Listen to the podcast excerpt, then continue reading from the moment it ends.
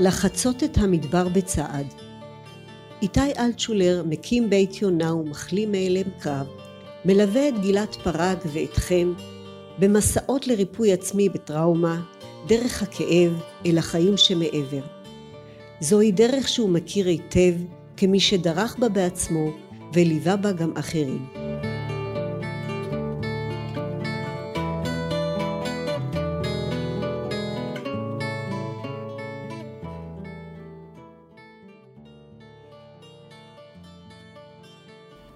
פרק תשיעי, לגעת בכאב.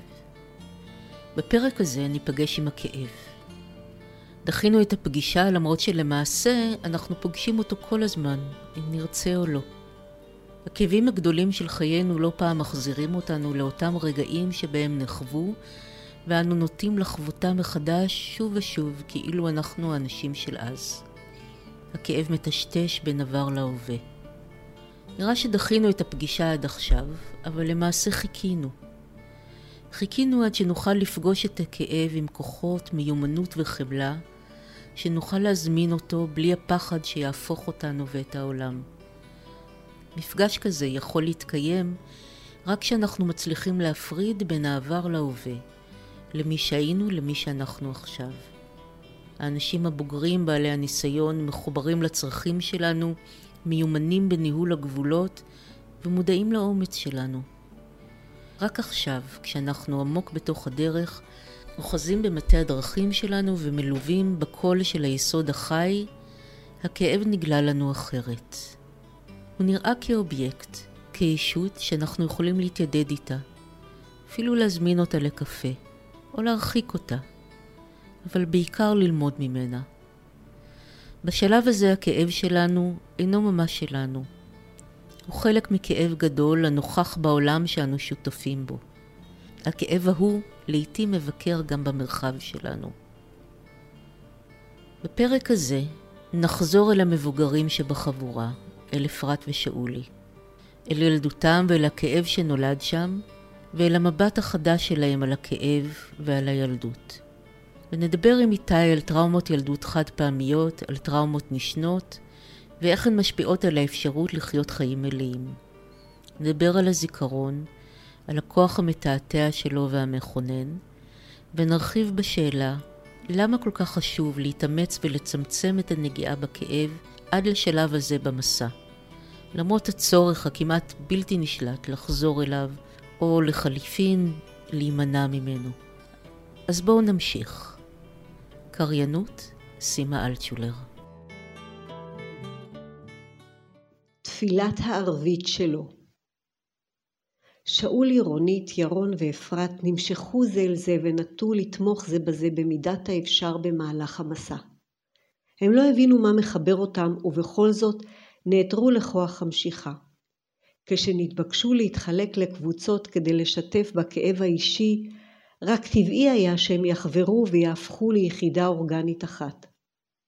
הם מצאו מקום שקט בצל אלון בה בימים, והתיישבו סמוכים זה לזה, דרוכים וקשובים לבאות, בציפייה להיכרות אמת של חבריהם ושל עצמם. שאולי פנה לנוכחים, מביט דרכם אל עברו, מדבר במידת מה של ריחוק, ריחוק שיעלם עם השינוי במימד הזמן, שיעלם עם החזרה לילדותו. עברנו דרך ארוכה ביחד מאז שנפגשנו בבית יונה לראשונה. חלפה חצי שנה. כל אחד נפגש עם עצמו, וגם נפגשנו זה עם זה בנגיעות קלות ודי מעצימות. אבל אתם לא יודעים באמת למה באתי לכאן. אני רוצה לשתף אתכן ואותך בסיפור חיי, אבל בקצרה.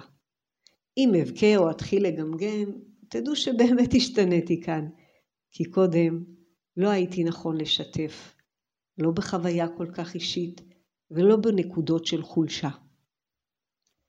לעצמי סיפרתי את הסיפור שאני אספר אין ספור פעמים, אבל בחצי שנה האחרונה, כשסיפרתי אותו לעצמי, בראש כמובן, הסיפור השתנה פעם אחר פעם, העמיק, התעדן, הועשר בפרטים ונשזר בחמלה עליי עצמי ובזכות להיות חלק ממנו. היינו שני אחים. אני הבכור ואחי הצעיר יוני. אני מבוגר ממנו בשבע שנים. אתם יודעים, בגיל צעיר שבע שנים זה פער ענק. הפער הזה אפשר לי לאהוב אותו מהרגע שהוא נולד, בלי להתחרות. לא ידעתי אז שלמה שהרגשתי קוראים אהבה. אבל רציתי לשהות לידו ולהתבונן בו, לטפל בו, ואחר כך לשחק איתו. אמא שלחה אותי החוצה לשחק עם החברים, עם בני גילי, אבל אני חזרתי כמו יו-יו, הולך ובא.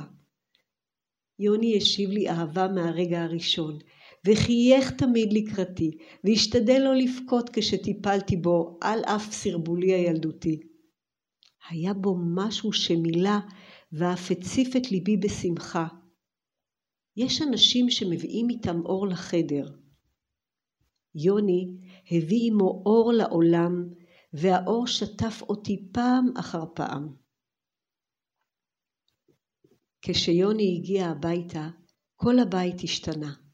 אמא ואבא היו יותר שמחים, יותר בבית, וגם עם יותר סבלנות אליי. אני לא יודע אם בכך היה באמת, או שזו רק האידיאליזציה של העבר, אבל כך עדיף לי לזכור את זה. הדיוק והאמת לא תמיד באמת חשובים. אז ככה היה. ארבע שנים עברו להם ביעף, יוני גדל והתפתח באופן טבעי, וגם אני תלמיד טוב, ילד ממושמע ומעורב חברתית. אבל כמו בחיים לכל דבר טוב יש סוף, או לפחות נקודת תפנית. ובגיל ארבע וחודשיים יוני חלה. לא שפעת ואף לא דלקת ריאות, אלא מחלה עם סוף ידוע וברור. הדעיכה שלו הייתה איטית וכאובה, ועמדה בניגוד גמור לשפע החיוניות שהוא השפיע עלינו הבריאים. הוא היה גיבור בחולשתו, וביום הולדתו השביעי הוא נפטר. אני הייתי אז בן 14, ילד בשיא פריחתו ובהתפתחותו, ובאחת קבע אורי. הבטתי אל העתיד בעיניים חלולות ריקות מדמעה. היום אני יודע שביום ההוא נמלט היסוד החי שלי למאורתו וחיכה בשקט ובביטחון עד להולדת נכדי כדי שאבחין בחסרונו. הנכד החזיר אליי את יוני ועימו את האור והכאב. מאז אני מנסה ללמוד לחיות עם שניהם, מאז אני מנסה ללמוד לחיות, בתקווה לזכות לחיות חיים מלאים. כשסיים לספר, השתתק והפנה מבטו מטה, כילד הנתפס בכלכלתו. גופו רעד בעדינות, אך קול לא נשמע. אפרת הראשונה שקרבה אליו ועטפה אותו. אליה הצטרפו רונית וירון. שאולי שלא היה רגיל בקרבה גופנית של זרים, אך הפעם לא נרתע מחיבוקם של השלושה. חום גופם והאמפתיה הציפו בכי עתיק כאבלו שפיקה החוצה, בעדינות של געגועים וזרם במורד גופו המתרכך של גבר אשר היה כצוק איתן עד לא מכבר, והצטרף לנהר כאבם של חבריו, שבכו את יגונם שלהם שבחרו את התרגשותו, את ההתרגשות מהמפגש עם האור שהביא יוני לעולם בימיו הקצרים. כל הבוקר הוקדש לשאולי וסיפורו ילך עמם בדממה עד שעת הצהריים. כשנפגשו אחר הצהריים במקום שעות המנוחה, לא ידעו מי יאסוף את הזכות לספר את סיפורו. הנטייה הטבעית של אפרת היא לפנות מקום, לחכות לסוף, ואז אולי לספר שעל ליבה לשתף בכאביה. אבל הפעם היא חשה שהיא במקום אחר, והיא יכולה להרשות לעצמה לצעוד קדימה. פשוט להיות ולאפשר לאנשים המקסימים שסביבה לסעוד אותה. אני לא יודעת במה להתחיל, אולי אפתח דווקא בסוף, בכאן ועכשיו שלנו. אני מאוד נרגשת לשתף אתכם בכאב שלי, בסיפור חיי. אני לא רגילה שמקשיבים לי, אני יותר רגילה להקשיב. אז תודה מראש ומקווה שלא אכביד על אף אחד מכם. נולדתי בת רביעית ואחרונה למשפחה שאז היו מכנים אותה קשת יום, והיום היו מכנים אותה משפחה לא מתפקדת. אפשר לומר שלא באתי ככה סתם לעולם, אלא נולדתי עם תפקיד. השתרר שקט. אפרת ניסתה לסדר את נשימתה, לתת לעצמה פסק זמן קצר של דמעות, פסק זמן למלא את ליבה האינסופי בחמלה ולעטוף בה את הילדה הקטנה שהייתה. נולדתי עם לב רחמן, רגיש לכאבם של הכל, ואין בו מקום לכאביי שלי.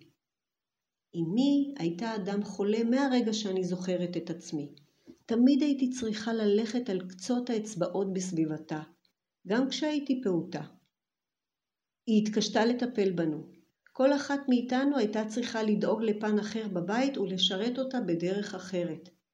יש מי שהגישה לה אוכל למיטה, יש מי שסרקה את שערה, ויש מי שגזרה את ציפורניה. אך תפקידי היה מיוחד ואחר. אני הגשתי לה את לבבי. לסעוד אותה ביגונה, לחבקה כשבכתה, לישון לצידה בלילות ולהקשיב לסיפוריה העצובים. אפרת הילדה נכנסה מתחת לאורו של ירון ועיניו הזדגגו.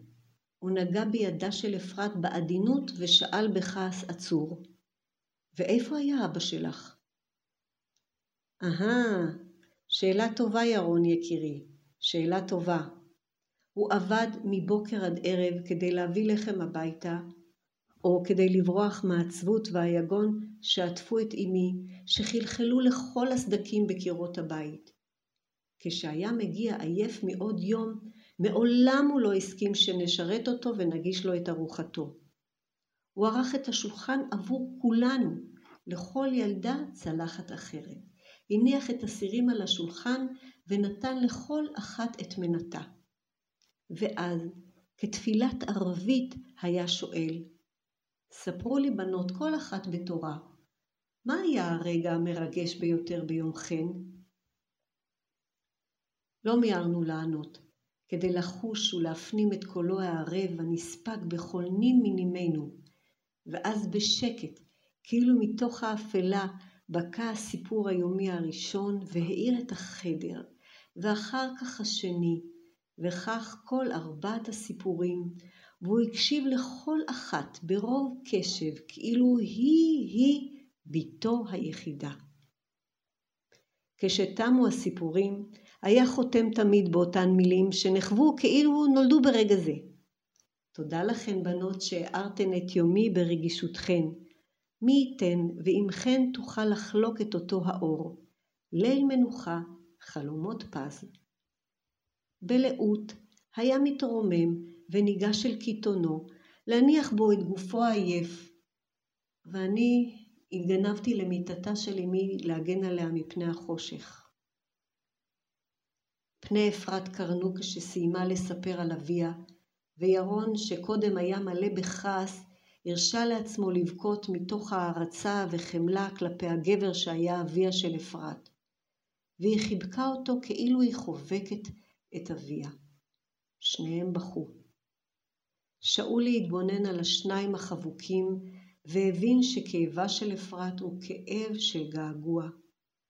געגוע ליסוד החי שנזנח בראשית החיים לטובת חייהם של אחרים, שיסוריה של אפרת הן יסורי לידה של הילדה שהיא הייתה, ורק כשמלאו לה שישים, יכולה הייתה לצאת למסע חיפוש גזעת הזהב שלה, שעליה סיפר לה אביה מדי ערב בתפילת הערבית שלו. שלום איתי. שלום גילת. אנחנו נוגעים בכאב, סוף סוף. תיאדדים איתו. או-אה, טוב, על להתיידד אנחנו נדבר אחר כך, אבל בואו קודם נתחיל לאט לאט. איך זה שרק עכשיו? אני מכירה שהתהליכים הם אה, לרוב הפוכים, קודם נוגעים בדבר עצמו, מבינים אותו, ומתוך זה מתחיל תהליך הריפוי, ואתה דוחה את זה אה, הוא ממקם את זה כמעט באמצע המסע. הסיבה שזה קורה בצורה הזו זה שהכאבים, אם הם גדולים ולא ברמת שריטות קטנות, הם אה, יכולים להיות מאוד רעילים ומאוד מעוררים ומאוד אה, אה, מפרקים. וכדי שאפשר יהיה לגעת בהם בלי להתפרק, בלי לעבור עוררות או ניתוק משמעותיים, כדאי להגיע לשלב הזה של המפגש עם הכאב, עם העומק שלו, עם המורכבות שלו, מתוך מקום של כוח ויכולת ומודעות לכוחות וליכולות ושימוש בחיי היום-יום בכוחות וביכולות. ולכן התפיסה שלי אומרת, קודם תבנה, תבנה, תבנה, ואז תיגע במה שעוד לא לגמרי בנוי, מה שעוד לא אה, מוקד אה, לבעיות, או מוקד לקשיים, או מוקד לנסיגה, ותטפל בהם ממקום של אה, יכולת ועוצמה, כוח. Mm-hmm. אני יכולה להבין למה אפרת למשל הייתה צריכה לעבור קודם את המקום של הגבולות לפני שהיא נגעה בכאב. היכולת אה, למשל לעשות הפרדה בין אה, מי שהייתה אז לבין מה שהייתה רוצה להיות היום. נכון, אה, עם אפרת התמונה היא קצת יותר מורכבת כי עצם הבניית הגבולות שלה זה חלק מהכאב שלה. ולכן היא באופן ישיר מספרת את הסיפור, חושפת את הסיפור, חושפת את ההיסטוריה האישית שלה, אבל הנגיעה שלה בהבניית הגבולות היא גם סוג של נגיעה בכאב, אם כי לא בצורה גלויה, בצורה פתוחה. אתה יכול להסביר את זה קצת? זה טיפה מופשט לי. אה, כן, אני יכול לנסות. כדי שאפרת תדע להגיד לו, עכשיו תורי, בבקשה תחכו רגע, תנו לי להביע את מה שיש לי, יש לי צרכים קצת שונים מהצרכים שלכם, למרות שאני רואה את הקושי, את הצורך שלכם. הדבר הזה הוא לב, ה... לב הפגיעה הטראומטית שלה. ולכן היכולת שלה בקבוצה להגיד, אה, יש לי מקום, אה, עכשיו אני, ולא במקום האחרון, זה התמודדות מאוד ישירה עם הכאב שלה. אם מדובר על uh, המיקום המוקדם של הצרכים של אימא שלה, ואחר כך הצרכים של האנשים הקרובים אליה לפניה, הבחירה לשים את עצמה מקום ראשון זה איזשהו אה, מפגש עם הכאב בלי לספר אותו. עצם הזכות שלה לכאב בכלל. נכון. עצם הזכות שלה למקום ולכאב גם. כן. עכשיו, זה נורא מעניין ששמת את שאולי ואת אפרת ביחד ב... באותו פרק. יש, יהיה לנו עוד פרק הבא שיתעסק בירון. בצעירים. כן, בנוער. אה, אבל גם שאולי וגם אפרת, שבאמת הם אנשים מבוגרים, אצלהם הטראומה היא טראומה מילדות. ורציתי לשאול אותך אם תהליך עיבוד הטראומה או תהליך טיפול, ריפוי, הוא שונה כאשר אנשים מגיעים עם אה, טראומה שהיא טראומה מילדות. אה, בדרך כלל כן. יש אה, תופעה שחשוב לציין אותה, שטראומות ילדות וככל שהן יותר ראשוניות ויותר מוקדמות, ההצפה שלהן והיכולת להתמודד איתן היא יותר מאוחרת. זו תופעה מוכרת ומקובלת ש... אנשים סביב גיל 40 פלוס מתחילים להתמודד עם טראומות ילדות שלהם, אם זה טראומות מיניות או טראומות אחרות. ולכן זה לא מפתיע ששאולי אה, שהוא פחות או יותר בשנות החמישים שלו ואפרת שהיא יותר קרובה לשנות ה-60 פלוס, מחליטים לצאת למסע הזה דווקא בזמן הזה. ההתמודדות או הריפוי של אה, של טראומות ילדות אה, הן קצת שונות במובן הזה שאנשים צריכים ללמוד את מה שהם לא למדו בילדות, לעומת אנשים שעברו טראומה בגיל יותר מבוגר, כמו ירון ורונית, שהם צריכים במקרה הטוב להיזכר במיומנות שהטראומה השכיחה מהם. לעומת זה הילדים פשוט לא רכשו את המיומנות האלה ולא מכירים אותם והם צריכים ללמוד אותם אה, לא כמו ילדים אבל אה, מההתחלה. מה שנורא מעודד בכל ההתבוננות הזו על המיומנויות ועל הכישורים שנלמדים בגיל המבוגר, א', שזה אפשרי, שזה לא אומר אם לא למדתי בגיל צעיר, גמרנו, אני לא יכול לרכוש את זה. נכון, זה אחר טיפ-טיפה, אבל זה בכל זאת אני יכול לרכוש, והילדות היא לא איזה אה, עבר אפל ו, ובלתי הפיך. כשמסתכלים מהמבט של הכישורים והמיומנויות שאפשר ללמוד בקשר להתפתחות החברתית, הרגשית וכך הלאה.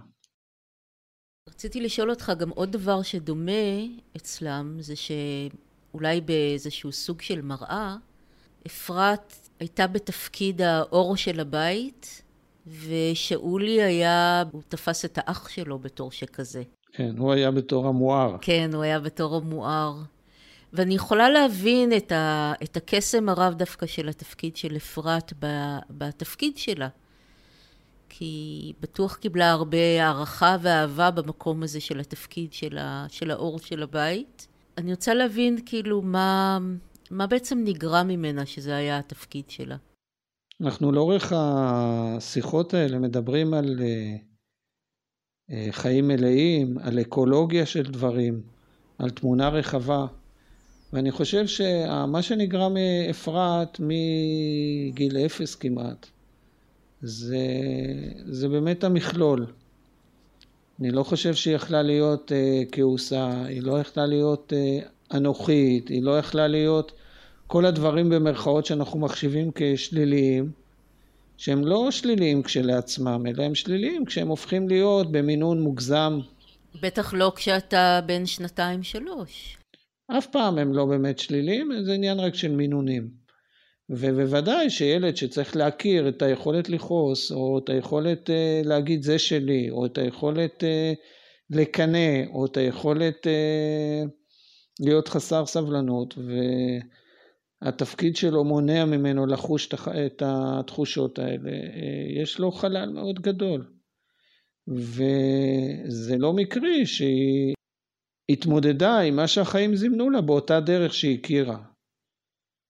או לפחות באופן חלקי לגבי דותן, הבן עם הצרכים המיוחדים, אבל היא לקחה את התפקיד הזה, המכיל, התומך, ה- היכול, קצת על חשבון, על חשבון עצמה, ולתופעה הזו של ילד שמטפל בהורים שלו, יש שם, קוראים לזה פשוט ילדות הורית, שהתפקיד התפקידים מתהפכים, mm-hmm. והילד הופך להיות ההורה, וההורה הופך להיות אה, מין ילד נזקק, והקושי של הילד ההורי כשהוא מתבגר, זה לתפוס מקום ולהגיד, איפה אני? אני רוצה זמן לעצמי, אני צריך זמן רק שלי. תופעה מאוד מוכרת ומאוד כואבת. ושאולי? שהוא ההיפוך של הדבר? א', אני מאוד שמח ששמת לב לתמונת המראה הזו, כי כשאני חיברתי את שני הסיפורים אחד ליד השני לא שמתי לב לזה, וזה העיר לי פרספקטיבה מאוד מעניינת. אני חושב ששאולי, כתוצאה מההיעדר של האור או הכוח שהוא שאב מאח שלו, בחר בדרך שאני אישית לפחות מאוד מכיר אותה, וזה להתקשח.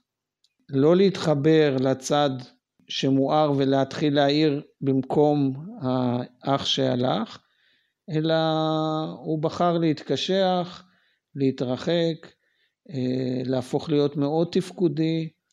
יכול להיות שזו הייתה רוח התגובה בבית, ויכול להיות שזו הייתה בחירה ספונטנית שלו, בחירה במרכאות כמובן, כי בגיל 14 ילד לא עושה תוכנית אה, עבודה מהסוג הזה.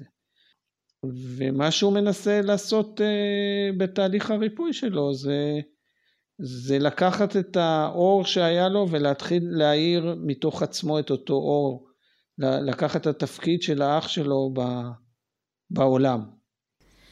אבל גם באופן כללי במשפחות uh, נותנים תפקיד לילד. אם אתה כבר מדבר על... זה לא תמיד כל כך קיצוני, אבל יש את הילד הנחמד, יש הילד ה... זה כאילו... לפעמים זה הרבה יותר קיצוני. לפעמים זה הרבה יותר קיצוני. בשיחה המקדימה דיברנו על ניצולי השואה שלקחו את הילדים שלהם והפכו אותם לנר זיכרון לאנשים ומשפחה שהם איבדו בשואה ושמו משקל מאוד מאוד מאוד כבד על הילדים ולמעשה בצורה כזו הפכו את הדור השני לפוסט טראומטיים בצורה מובהקת ואז יש את הגרסאות נכון של התיוג של הילדים זה הילד המצחיק, זה הילד האחראי, זה הילד המושלם, זה הילד ה... ואחר כך אה, אנחנו נאבקים כל החיים אה, לצאת מהתיוגים שההורים שלנו אה, תייגו אותנו בצדק או לא בצדק. או להוכיח אותם. או להוכיח הפוך, כן? מה זאת אומרת? או להוכיח אותם כן. ואז לאכול אותה. כי אם נגיד אני הילד המוכשר, ואני כל הזמן משתדל להיות מוכשר, אבל אין אדם שהוא רק מוכשר, יש חלק מאוד חסר בתוך החיים שלי ואני רוצה להיות סתם בן אדם, לא בן אדם מוכשר. אז נכון, בשלב הראשוני אני רוצה להוכיח את זה, אבל אה, בשלב שבא אחריו יש משבר מאוד גדול, שיכול להיות uh, כתוצאה מהרצון שלי העמוק לחיות חיים יותר עשירים מהתו והתגית ששמו עליי. ושאולי נחשף או פוגש את הכאב שלו בתוך החיים דווקא כשמגיע הנכד שלו. למה אתה חושב שזה קורה עם הנכד ולא עם הילדים למשל? אני חושב שדבר ראשון הילדים של שאולי הם לא בעלי אותה עוצמת חיוניות כמו הנכד והנכד אה, גם באופי שלו כנראה מאוד מזכיר את האח ודבר שני, אני חושב שגם שאולי יותר קשוב לסביבה שלו בשלב הזה, ויותר ערני. אני לא בטוח בכלל כשהוא היה אבא צעיר ובמקביל היה במהלך של אה, ביסוס קריירה, היה לו קשיבות באותה רמה לילדים ולחיוניות שלהם. ולכן אה, הגיל וההורדה של המחויבויות וההתרככות וההתעדנות שבאה לפעמים עם הגיל הופכת אותו מצד אחד ליותר אה, קשור ומצד שני גם ליותר פגיע אה, ויותר חשוף. ומחיר החשיפה הזו הוא המשבר של הדיכאון והמתנה מהדיכאון זה היכולת לפגוש את היסוד החי, היכולת ליצור חיים יותר שלמים שהם לא רק פונקציונליים ויש בהם גם אה, מקום להמון המון רגשות אחרים. אז אם מדברים על העניין הזה של, ה, של הפגיעות, יש הצד האחר של החשיפה או הנגיעה בכאב בשלב הזה של המסע, וזה היכולת אה, להיפתח מול החברים בקבוצה. גם היכולת אה, לתת אמון בהם, וגם אני רואה את הרגישות הנורא גדולה שלהם בהקשבה. כן, אני חושב שיכול להיות שבאופן מקרי זה חלק מהשותפים של שאולי הם כאלה באופן טבעי, בטוח ש... שאפרת זה, זה בטוח, אבל לגבי עירונית אני חושב שהיא מסוגלת להיות קשובה לגבר בצורה כזו, א' כי הוא מבוגר מאוד, אז יכול להיות שהיא מסתכלת עליו קצת כמו אבא, וגם היא עברה משהו עם, עם ההתמודדות עם הפחד שלה מול העולם ומול הגברים. אז כך שיכולה לראות את שאולי בתור בן אדם ולא רק גבר. וירון אה, יש לו רומן מאוד אה, מורכב עם הנושא של הפגיעות והגבריות בקשר לפגיעות ויש לו הזדמנות לתרגל את, ה... את ההתנסות הזו מול אדם אחר שגם הוא בסופו של דבר מחזיק את אותה עמדה של ה... נקרא לזה הגבריות המתפקדת, המרוחקת, הקשוחה, והוא מקבל המון השראה משאולי, אני חושב. ומהזווית של שאולי, אני חושב שהוא מבין שהוא צריך ללכת למקום הזה של הפתיחות מתוך משימתיות הוא מגיע לשם, כן? אבל בשביל להיות באמת פתוח אתה לא יכול, אתה לא יכול רק ממשימתיות להגיע. והיכולת שלו לספר, ואני חושב שבעיקר היכולת שלו להיתמך. היכולת שלו להיתמך היא, היא ההישג הכי גדול שלו, והיא לא יכלה לקרות בבת אחת, היא לא יכלה לקרות בהתחלה מעצם התהוות הקבוצה. הוא היה צריך לעבור דרך מאוד ארוכה, דרך שפוגשת את האיטיות, הרכות, את האי ידיעה, את החשיפה לאקולוגיה של הרגשות, בשביל שהוא יוכל להרשות לעצמו להיות בעמדה הזו של הנתמך. שהוא יוכל להרשות לעצמו להיתמך אה, אפילו בחיבוק, שזה לא בכלל לא מובן מאליו לחלק מהאנשים. למרות שהיום כולם מתחבקים, אני לא בטוח שזה מדובר על אותו חיבוק בדיוק. זה גם לא אותו הגיל. נכון, זה גם מאוד לא אותו הגיל, אבל נגיד שהפודקאסט הזה יהיה עוד עשר שנים, אולי זה יהיה הגיל.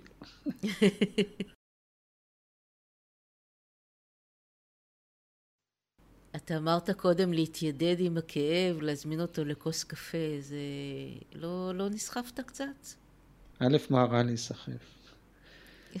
לא רע להיסחף. אני לא חושב... יש גבול, אתה יודע. אה, כן, יש גבול, אבל יש גם אה, את ה... לבחור את הרגשות ה... גם הקיצוניים צריך להיות שם פעם לפעמים ולחזור וללכת. טוב, אבל אני לא חושב שנסחפתי. אה, דיברנו בפרק לי לפני שני פרקים על, אה, על אקולוגיה של רגשות ודיברנו על רגשות בתור אישויות ואובייקטים שהם נעים בעולם. כאב הוא לא שונה מהדבר הזה. הוא נמצא ואנחנו משתתפים בו ומרגישים אותו, הוא לא הכאב שלנו, הוא הכאב כשהוא לעצמו ואנחנו משתתפים בו. ואם אנחנו משתתפים בו ואנחנו באיזשהו מקום גם חווים אותו וגם מורחקים ממנו, ואנחנו גם יכולים אה, אה, להעניש אותו באלף, להפוך אותו לאנושי, אז אנחנו יכולים גם להתיידד איתו. אנחנו יכולים להגיד, אוקיי, הכאב הזה, הוא יכול אה, לבוא לשתות לנו קפה, ואנחנו יכולים אה, לשוחח איתו ולשאול אותו למה באת, ומה הפעם יש לך לספר לנו, והאם אתה מעוניין לבוא עוד פעם, אולי אתה סתם רוצה להיות אורח קבע ו... אז אה, לא נתייחס אליך בכובד ראש כזה, ונדע שאתה בן בית, אוקיי, אז יש כאב, והוא בן בית, ולפעמים עצוב, ולפעמים אה, באירוע מסוים הוא מופיע יותר, ו... אבל זהו. וזה סוג של התיידדות שהיא אפשרית ברגע שאני מתייחס לכאב בצורה כזו, ואני לא מזדהה איתו הזדהות מלאה, והופך אותו ו- ואת עצמי לאחד, אה, זהו, זה נראה לי אפשרי, אני יודע שזה אפשרי. יש מישהי מאוד יקרה לי שאומרת, טוב, נמאס לי ללטף את השריטה שלי. אני מזדהה עם זה. זהו, אני גם הייתי מעדיפה שהם יודיעו לפני שהם באים. את יכולה לבקש מהם, אז הם יודיעו. כן? כן. זה אפשרי? כן. אני אספר לך משהו, מישהו סיפר לי שהוא, היה לו חלומות נורא נורא קשים. כתוצאה מאיזשהו תהליך של גמילה מסמים, פתאום החלומות התחילו להיות מאוד מאוד דומיננטיים, מאוד אכזריים, מאוד אלימים. וזה היה מאוד קשה, אתה עובד בלילה מאוד קשה ואתה מתעורר וזה, אמרת לו, תשמע, אתה לא חייב להיות שם, אתה יכול להגיד, אוקיי, אני יוצא מהחלום, אני מפסיק, mm-hmm. אני פורש, מהח... אני פורש מהחלום. או... מה? אתה, אתה מתכוון להתעורר או כן, לצאת ל- מהסיפור? ל- להתעורר, כן, להתעורר, לאמצע החלום, להגיד די מספיק. והוא עשה את זה, ופתאום החלומות אה, לאט לאט התמתנו. הוא הרגיש שהם לא, לא שולטים עליו, אלא הוא שותף. ודברים, אה, לקח את הזמן, המערכת שלו עיכלה את זה, ואותו דבר נכון גם לגבי כאב. אתה יכול להגיד לו, אוקיי, אני מבקש ממך שאני אתכונן להגעתך, שאני אכין את הרבע עוף ואת מה שצריך כשאתה מגיע, תודיע לי מראש. אנחנו בעידן שיש היום אס.אם.אסים ווואטסאפים, תודיע לי. יש בזה שני דברים, יש אחד, הדבר הראשון שיש בזה זה סוג של שילוב של הומור עם כאב. ולא הומור ציני. זאת אומרת, ההומור הציני של הצחוק העצמי על הכאב, זה סיפור אחר, או הומור שחור. פה זה לא הומור, לא הומור כזה, אבל זה מכניס איזושהי כלילות להתייחסות לעצמי ולכאב שלי. ודבר שני, אה, חלק מהמיומנויות שאנחנו למדנו בהתחלה, של ההקשבה, של הרגישות לקולות הגוף, הם סוג של אה, הודעות כאלה שהוא הולך להגיע. זה לא שאני לא מרגיש בגוף שמשהו הולך לקרות. הרבה פעמים אני מתעלם מזה, ואז, ואז זה כאילו מופיע לי בענק בבת אחת. זה לא ככה קורה.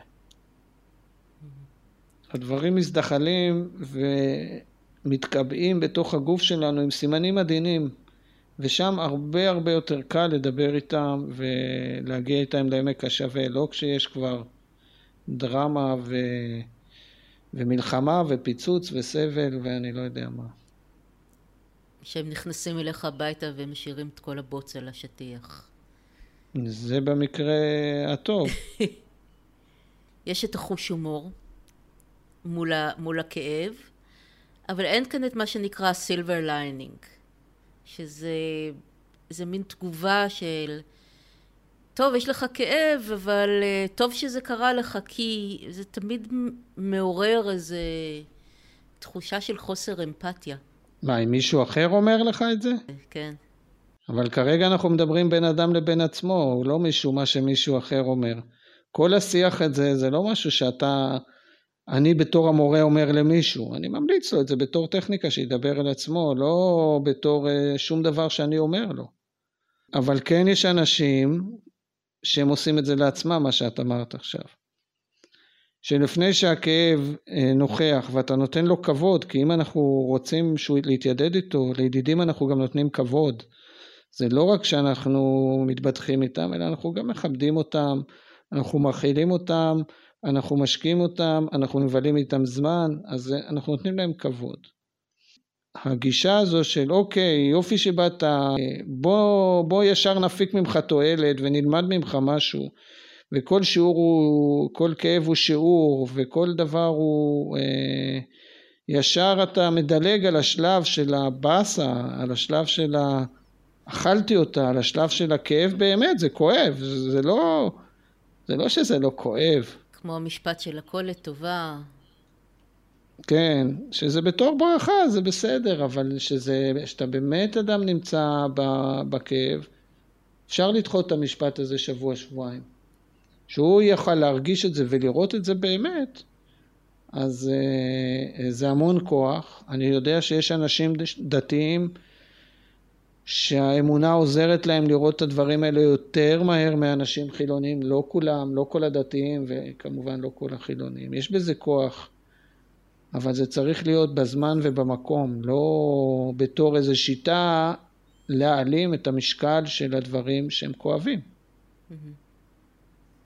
אז יש לנו כאן את המקום בעצם אנחנו נוגעים בכאב במקום שבו אנחנו גם מסוגלים לפתוח לו את הדלת וגם מסוגלים לראות אותו, כלומר בו זמנית.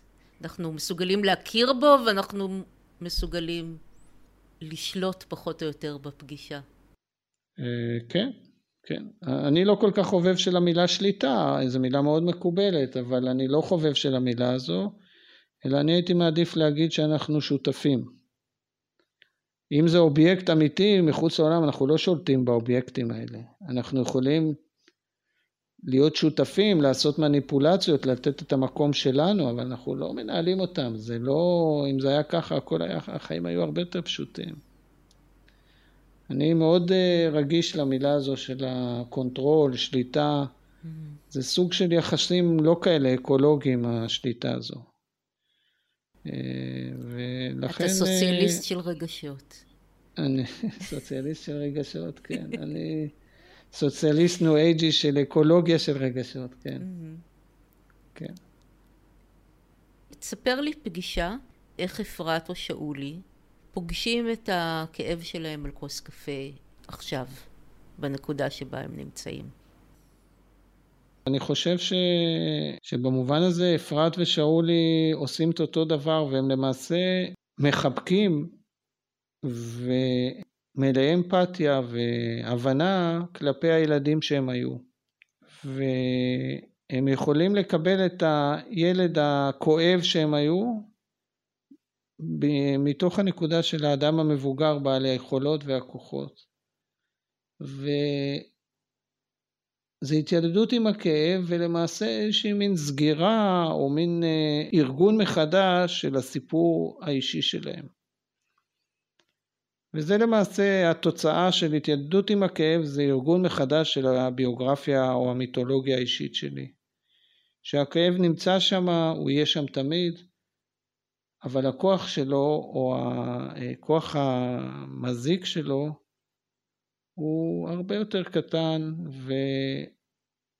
והמפגש של האדם הבוגר או האדם אה, המחלים היא מתוך אמפתיה עם החלקים הכואבים שלו ו... וזה למעשה הביטוי של ההתיידדות הזו. בפגישה הבאה שלנו אנחנו נפגשים עם ירון ורונית, שזה הצד הצעיר של החבורה, וגם הם מייצרים לנו סוג של אה, תמונת מראה, או אנשים שיכולים להשלים או ללמד אחד את השני מהמקום שבו הם נמצאים. נראה לי שיש להם משהו מעבר לעניין הזה, אם לא שמנו לב עד עכשיו. לא, מתהווה ביניהם משהו שהוא מעבר לטראומה שלהם, ככה נראה לי. אה, יש לנו כאן סיפור, אוקיי. אז זה, כן, ככה נראה לי. טוב, אז בלי ספוילרים. נדבר על זה יותר בפגישה הבאה. אז uh, תודה רבה, איתי. תודה לך, גלעד. תמיד את מפתיעה אותי בשאלות וזוויות uh, בלתי צפויות ומאתגרות, וכיף לי, אז תודה. תודה, להתראות.